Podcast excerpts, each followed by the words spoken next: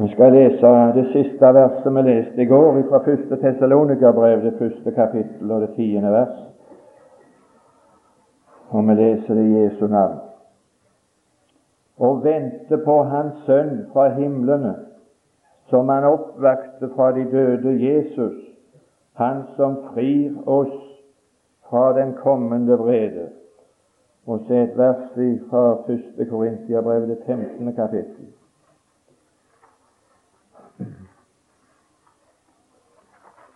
Og det er det 51. vers. Se, jeg sier eder en hemmelighet. Vi skal ikke alle hensove, men vi skal alle forvandles i ett nu, i et øyeblikk, ved den siste basun.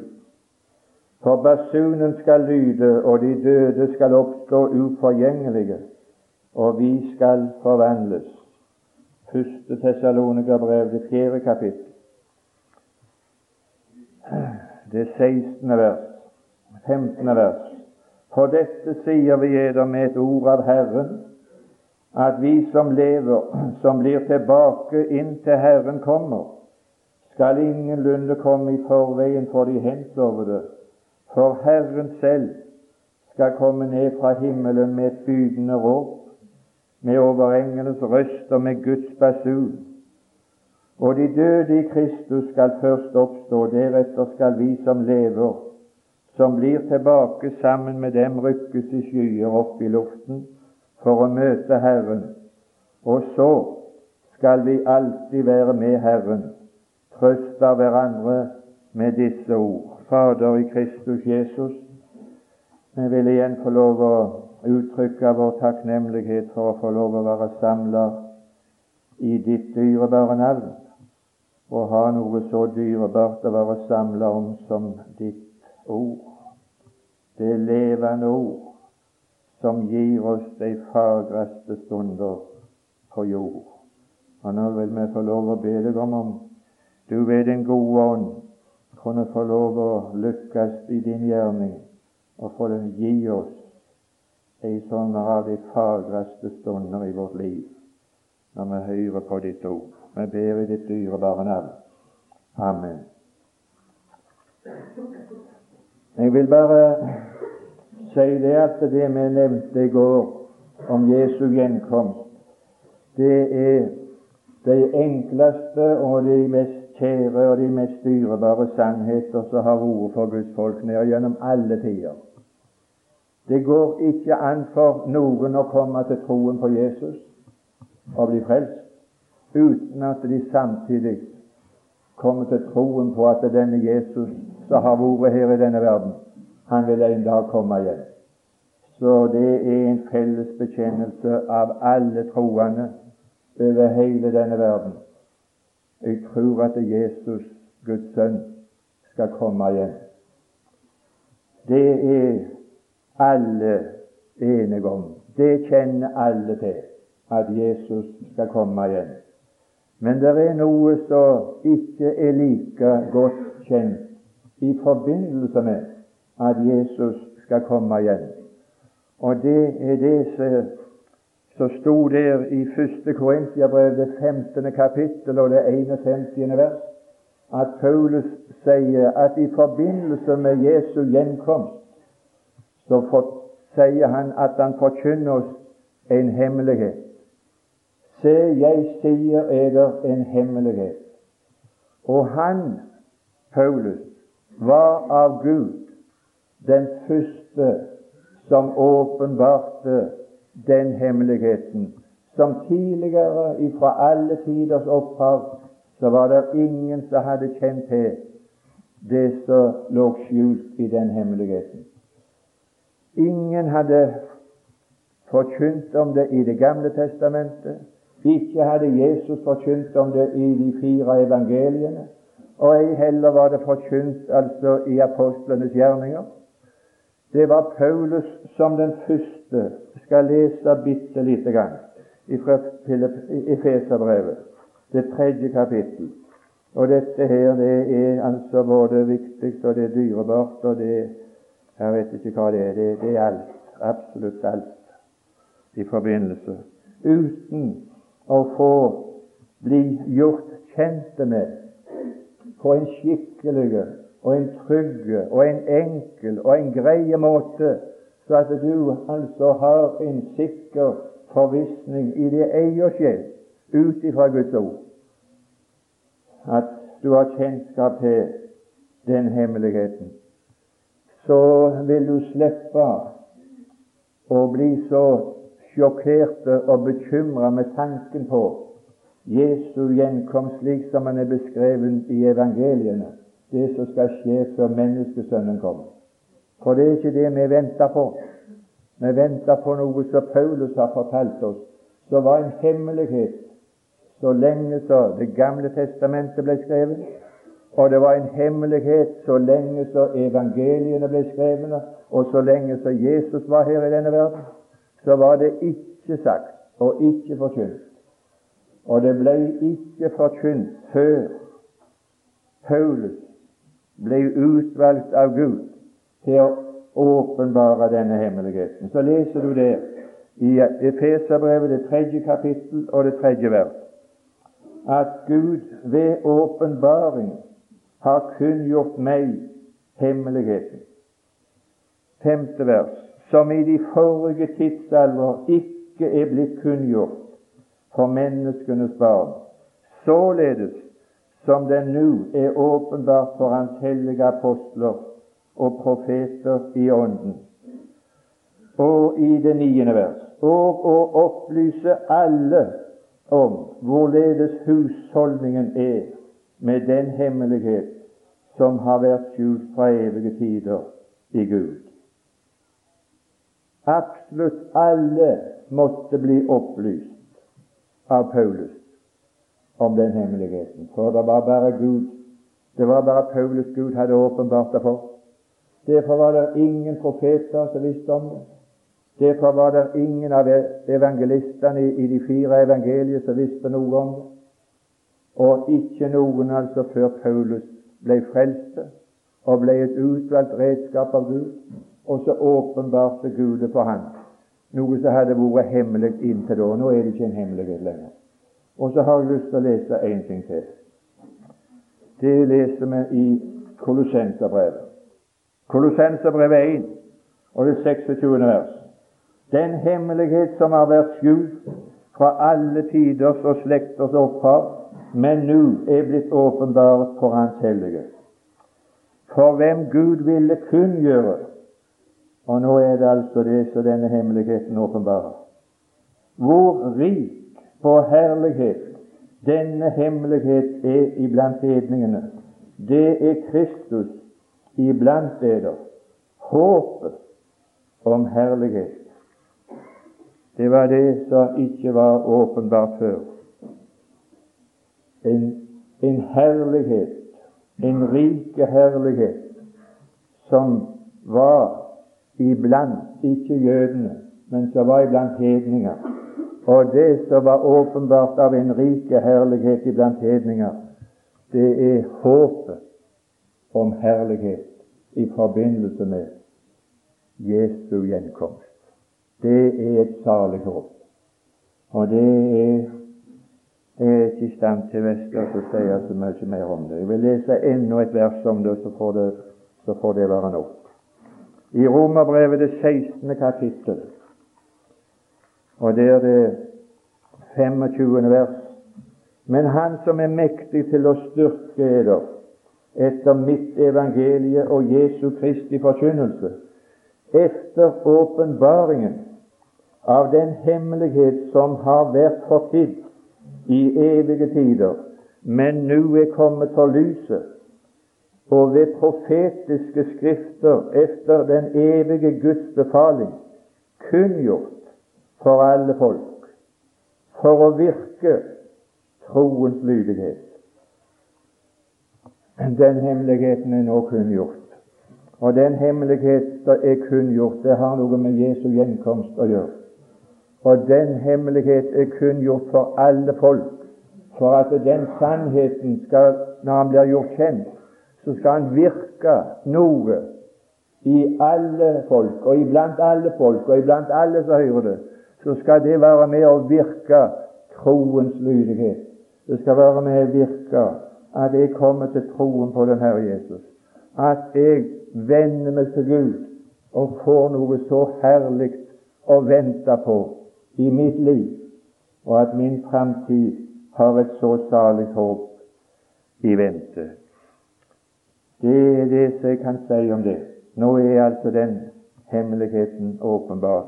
Første utenom det vil jeg da si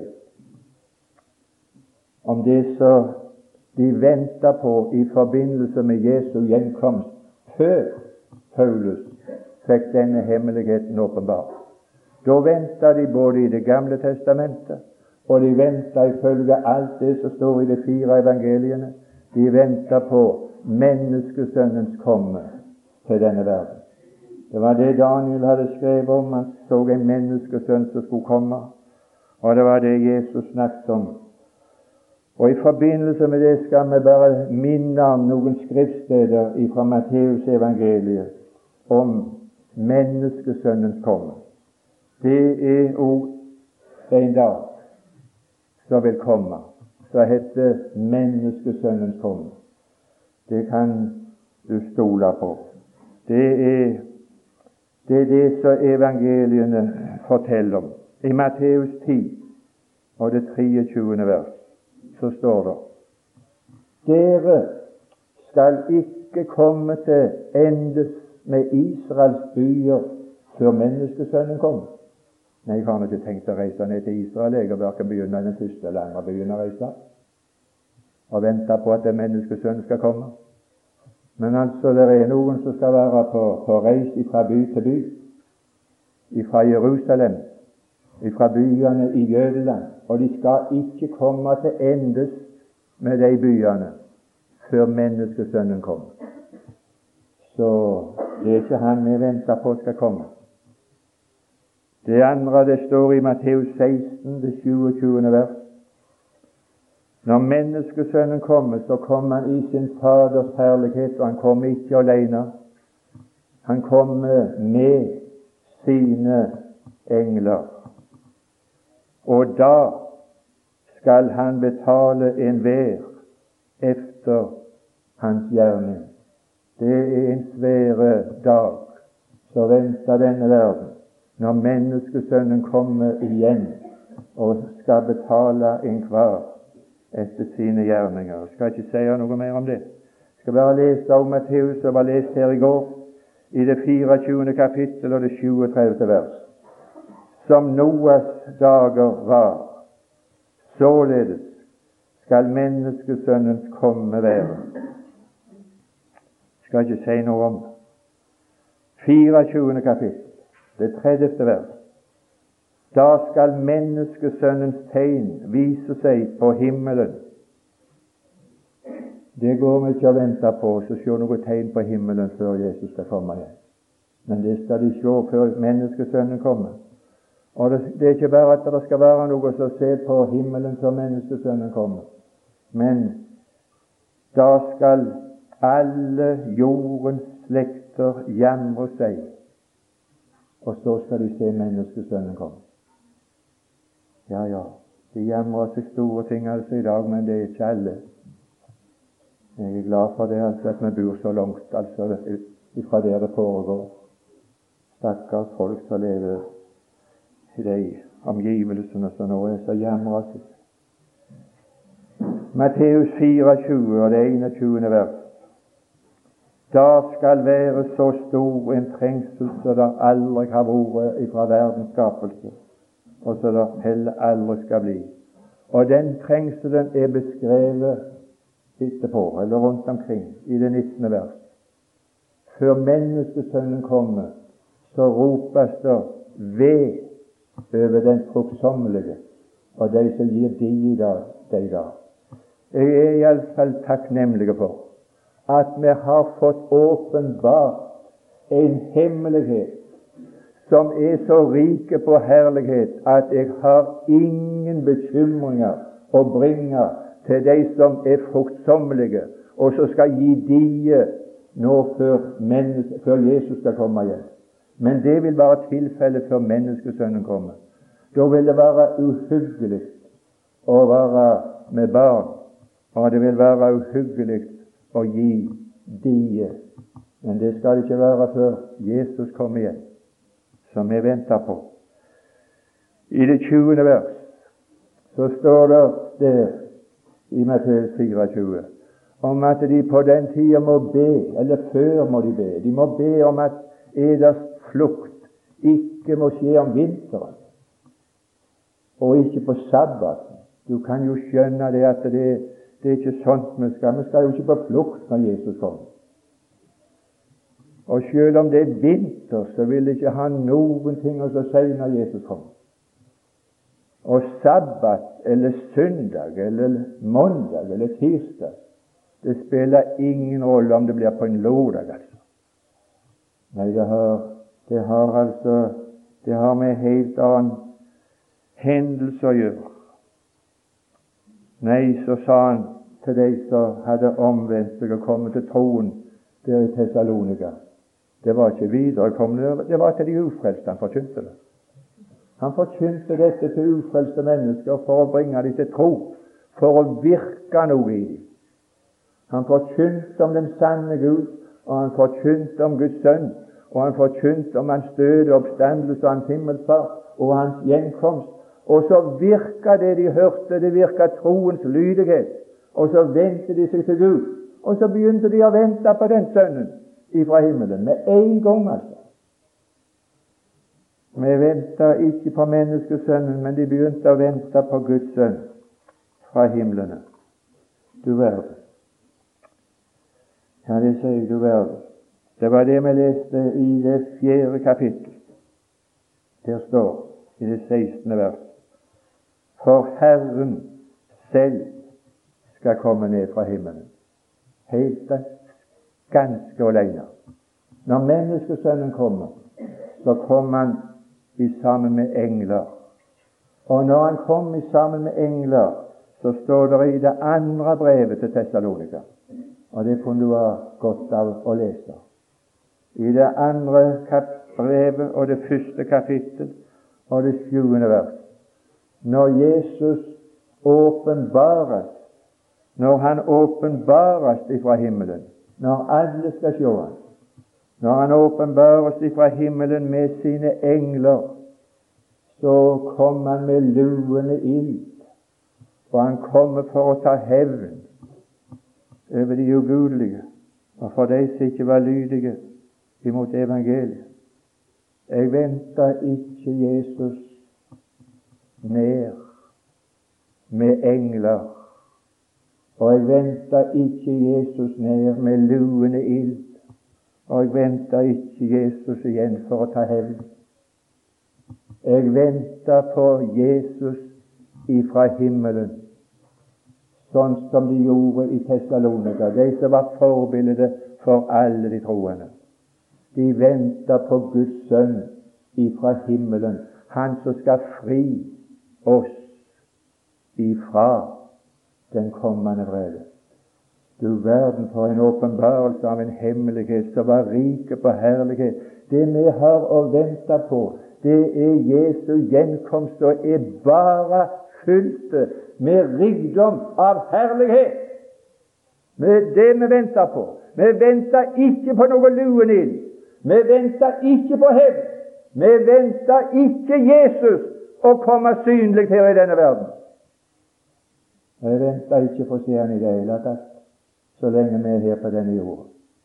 Men det vi venter på, vi venter på det slik så, som vi leste her. Vi venter å få høre Han. Vi venter på å få høre noe. Ja, ja. Han tar Santon.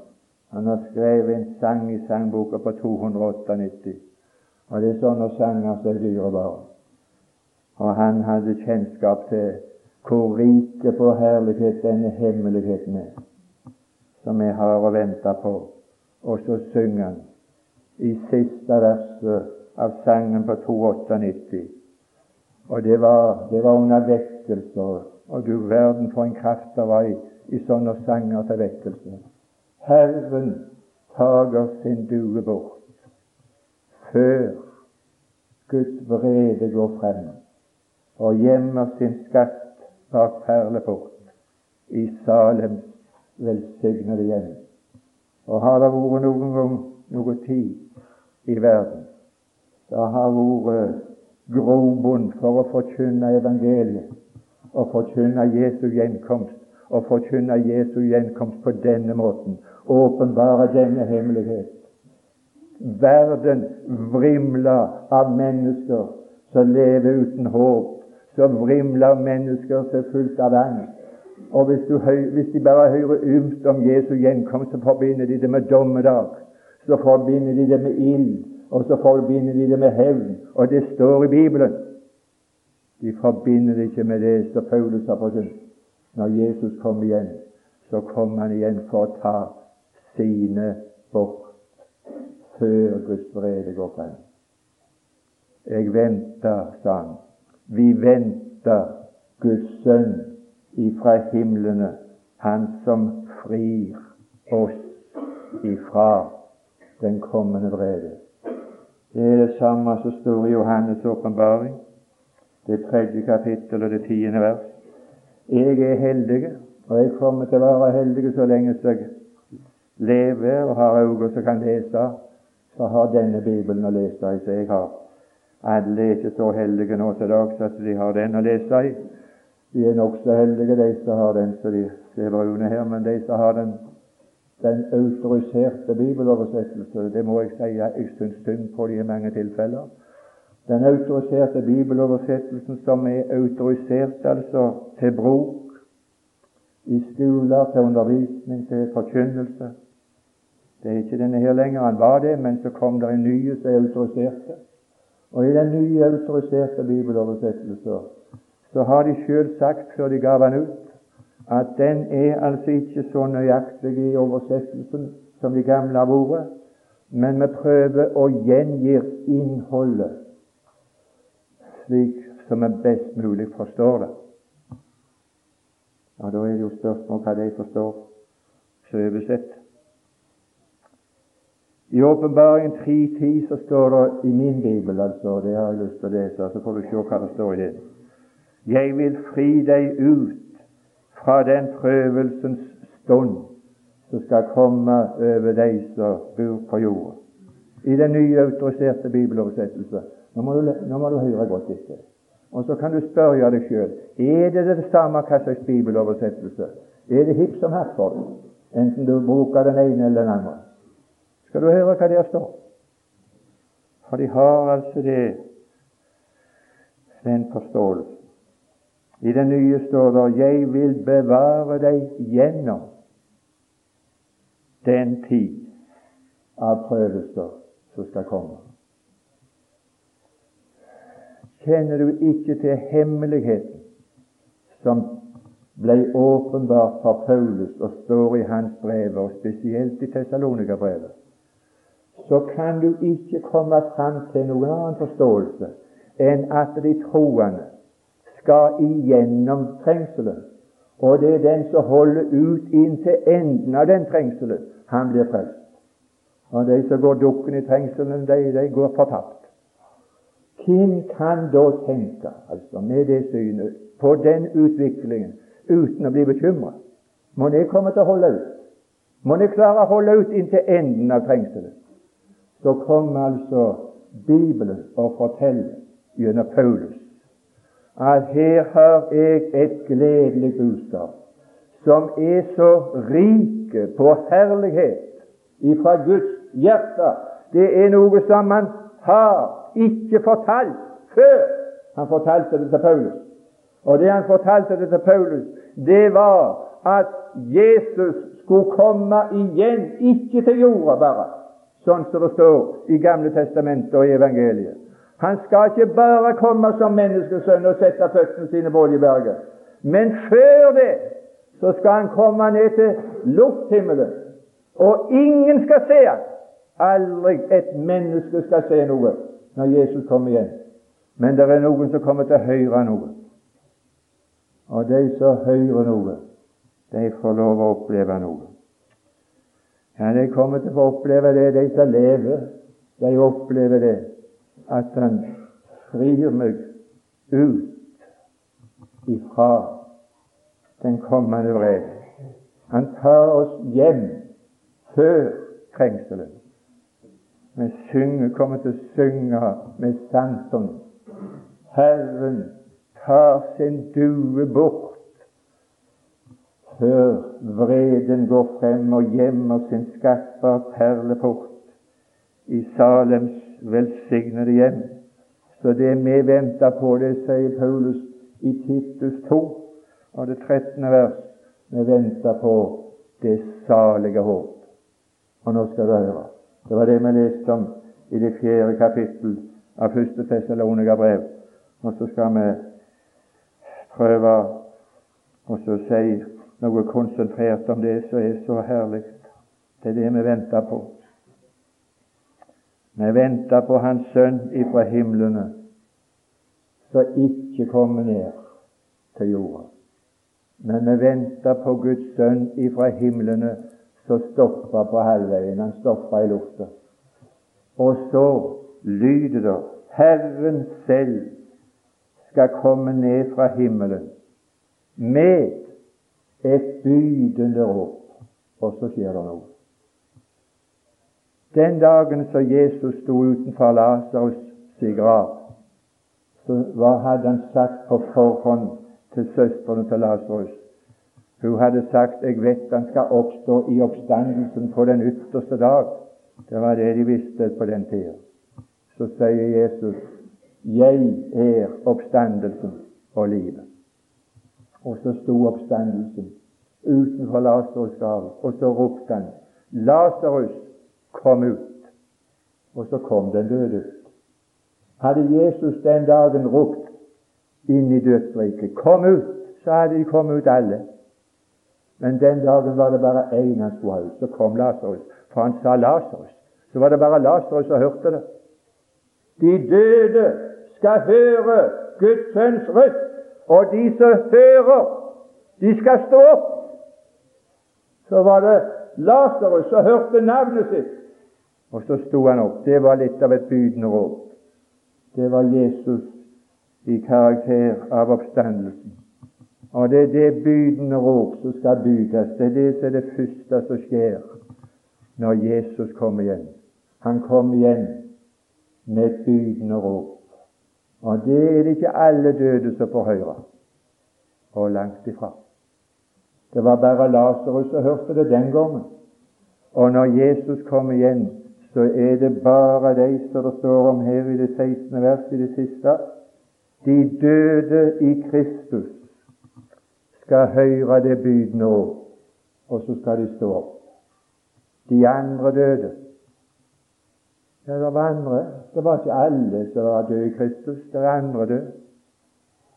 De andre døde, står det i åpenbaringen. De ble ikke levende igjen. De sto ikke opp igjen før tusen år etterpå. Så her er ikke noen alminnelig oppstandelse på den ytterste dag for alle mennesker. Her er noe som heter den første oppstandelse, og så er det noe som heter den siste oppstandelse. Og så står det noe i Bibelen om at de er salige, de som har del i den første oppstandelse. Og Dette var det litt tungt for disiplene å forstå. Så når Jesus snakket om at han skulle stå opp ifra de døde, så spurte de han hva, hva mener du med det å oppstå ifra de døde? Vi kjenner til en oppstandelse, en alminnelig oppstandelse av alle døde. Så snakker du opp, en oppstandelse ifra de døde, at noen står opp, mens mange andre blir liggende igjen så er det blitt åpenbart at det vil skje ved Jesu gjenkomst. Jeg må få lov å ta et par minutter om det der som er så salig. Salige er den som har del i den første oppstandelse. Over dem har den annen død ikke noen makt. Og da er det noe som er godt å vite. Det er at den første oppstandelse den har flere avdelinger. Det høres litt innvikla ut, dette her. Men det er ikke så innvikla. I første Korintiabrev, det 15. kapittel og det 23. vers, eller først å lese det 22. For like som alle dør i Adam, så skal òg alle levende gjøres i Kristus. Men hver i sin egen avdeling. Kristus er førstegrøden. Deretter skal de som hører Kristus til, levende gjøres ved Hans komme. Den første avdeling, det var Jesus. Han var den første avdeling som sto opp ifra de døde. Men nå har ikke jeg vært så svært altså, inne på eksis. Men jeg har nå vært og blitt herska med altså av en offiser som kommanderte, og Nåde den altså som ikke lystra. Han fikk iallfall preger, for da fikk du straffeksis altså alene, og da sa det gikk helt vilt for seg. Men så sa han det altså når han kommanderte, når du hadde stilt opp, så sa han avdeling nummer det og det. Fremmedmann. Ja, så var det en gjengse fot. Men det var aldri én mann. Jeg hørte aldri når han kommanderte en avdeling, at det var én mann som for. Det var, det var noen, det var en flokk, altså, flere eller Men det var aldri én. Så når Jesus er den første avdeling, så kan han aldri ha vært alene. Men han var ikke alene heller han sto opp ifra de døde. Når Jesus ropte på korset 'Det er fullbrakt', så skjedde det noe. Det skjedde noe i tempelet i Jerusalem. Da revna forhenget fra øverst og neder. Nå kan det reise hjem folk, for nå er de arbeidsløse. Oppsagte på dagen. For nå trengs det ikke mer noe ofring. Nå er forbildene slutt. Han har brakt ett offer for alltid, og nå trenger ingen å bringe noe offer for synd. Nå er det forlatelse for synd. Ordet forkynner at mine synder kommer han aldri mere i hu. Jeg er frelst og salig for dem. Så var det det andre som skjedde. Det var at der klippene revna, og så åpna gravene. Og de gravene som de hadde der nede, de annerledes enn på kirkegården på Åkra. De gravene der, de var inne i fjellet. Og så, så ristet fjellene på seg og revna, og gravene åpna seg.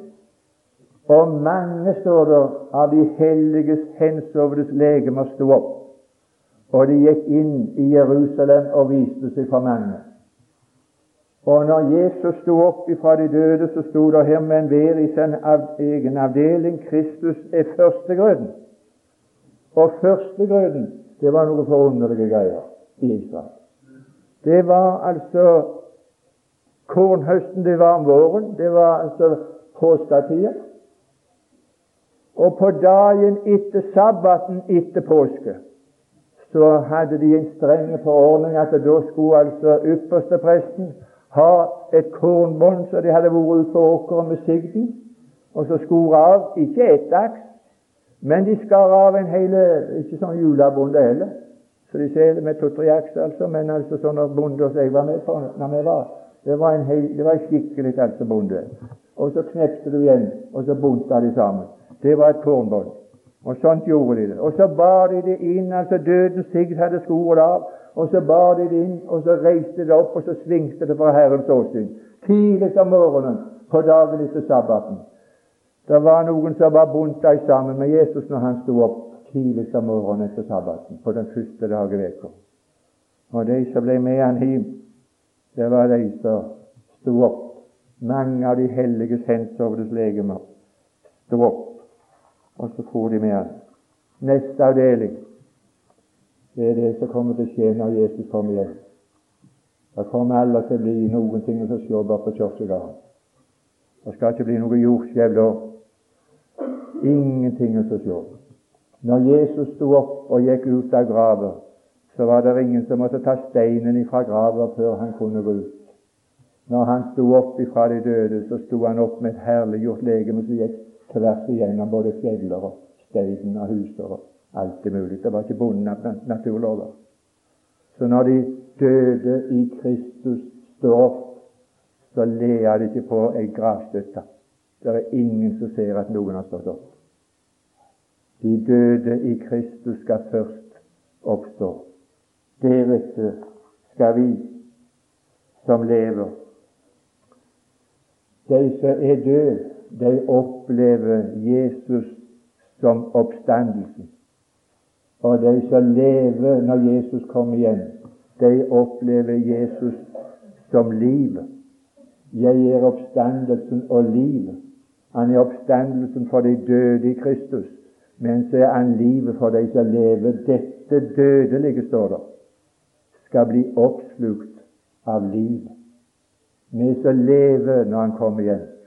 I et nu, mens før du får blunka med øynene, så er du forvandla.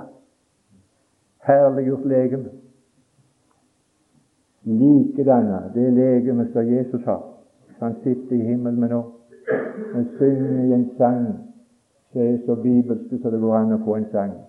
Samme legem som Jesus bar her på jorda i tiden, det bærer han nå med seier i himlene. Han viste seg for dem, og de kjente han igjen på naglegapene. Det er noe i himmelen som mennesker har lagt. Og det som mennesker har lagt, det blir værende i himmelen for alle evigheter. Det er merkene i hendene og føttene og hjertet. Det er det mennesker som har lagt. Ja, ja. Så står det om de andre døde. De andre døde som ikke blir med i den første oppstandelsen, de blir De ble ikke levende for tusen år etterpå, men jeg så de døde, sammen. Og når jeg leser, Det er én ting å lese Bibelen, og det er én ting å tro på Bibelen, men det er altså smertelig å sette det i forbindelse med mennesker. De andre som ikke vil ha noe med Kristus å gjøre de andre som går inn i, i, døden og inn i evigheten uten å hensove i troen på Kristus. Da venter de en oppstandelse, og den oppstandelsen heter dommens oppstandelse. De andre døde, de, de så så de ikke i kister med blomster på. Var ikke det han så. Han så de andre døde stå for Gud for den hvite tronen. Og når de ikke hadde navnet oppskrevet i livsens bok, så ble de kasta i noe som Bibelen kaller for ildsjøen, som Bibelen kaller for den annen død. Og Hvis jeg skal være et menneske som sier at jeg har følelser i behold, så, så kan jeg altså aldri lese slikt, og aldri sånn som nå nevne det, uten at jeg kjenner absolutt. Det var ikke hva jeg skal det. Det. Det er noe som heter å bli frelst. Og det å bli frelst er å bli frelst fra den andre død ildsjø. Å bli frelst er å få et salig håp om å bli frelst ifra vreden. For det er den som skal komme over jorda, den som skal komme med den store, hvite tronen. Frelst. Du er vel frelst? Du er vel rede. Han kan komme før du kommer i kveld. Han kan komme i natt mens du sover. Skal du, skal du sove deg til himmelen, eller skal du sove deg til en evig fortapelse? Med et bydende rop, med overengels røst, skal jeg slutte øyeblikk. Med den overengels røst så vil dette dødelige bli oppslukt av livet. Skal ikke si noe mer. Og så vil jeg, så vil jeg nevne med Guds basur. I 1. Korintiabrev 1552 der sto det altså at basunen, basunen skal lyde, og det skal være den siste basunen. Vet du hva, hva tid de bruker basun? Ja, I Bibelen brukte de basun når det var store avstand fra den som skulle altså bringe et budskap, så støtte i basun. For det var så store avstand mot avsender og mottaker, så måtte de bruke basunlyd. Men dette blir siste gangen det er avstand imellom Herren og de troende.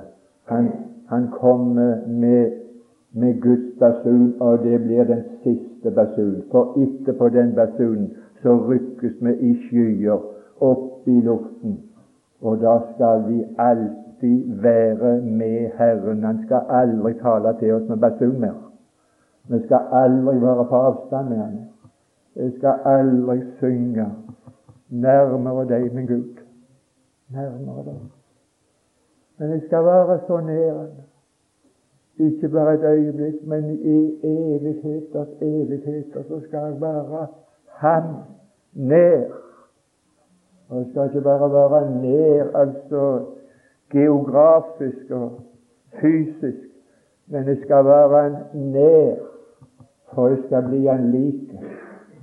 Jeg skal være nær, for jeg skal være hans brud. Jeg skal være hans hustru i evigheters evighet. Så nær, så nær, mer nær ei tenkes kan. For nå er jeg i Kristus Jesus blitt så nær som Han. Det er sager, det. Det er herlighet. Det var litt av en åpenbarelse av en himmel. Det var noe annet å vente på enn en, en menneskesønn med engler og med ild og med dom og med trengsel og utryddelse og renselse av denne jord. Vi skal til himmelen, der er mitt hjem. Det er himmelen. Nå er jeg på vei til himmelens land. Frelst jeg er ved et blikk på det blødende Guds lam da vakte han ved dette budskapet. Når han kunngjorde dette, så virka det. Det er ikke uvirksomt. Den som får høre dette, det virker, og det virker troens lydighet. Da vakte du en lengsel i mitt sinn. Å, Herre Jesus, la jeg få lov å bli med deg. La jeg få lov å bli med i den bortrykkelsen som bringer mennesker til paradis, til himmelen. Ta meg med, kjære Jesus. Ta meg med. Jeg kan ikke tenke meg miste muligheten av at du kan være her på dette møtet og høre om, om den uh, Guds vidunderlige hemmelighet som Han åpenbarer for deg, uten at du kjenner det virker på deg. Jo, at jeg, måtte jeg får lov å bli med. Hvem er det som kan bli med? Og hvem er det som blir med? Hvem er det som er rede hvis han kom nå? Det er de som har sagt ja. Det var sånn de ble brukt. Hun sa ja. Sier du ja i denne stund? Du får et tilbud. Det er du som får tilbud. Vil du? Det er du som skal være hans brud. Svarer du ja, så er du redd for det brudgommet som kommer for å hente. Og svarer du ikke, så betyr det nei. Herre Jesus. Og det levende ord som gir og som gir oss fagre stunder på jord. Det fagreste av alle fag. Som gir oss håp. Som gir oss håp om herlighet. Som gir oss et håp så det går an å trøste hverandre med i en forferdelig trøsteløs tid.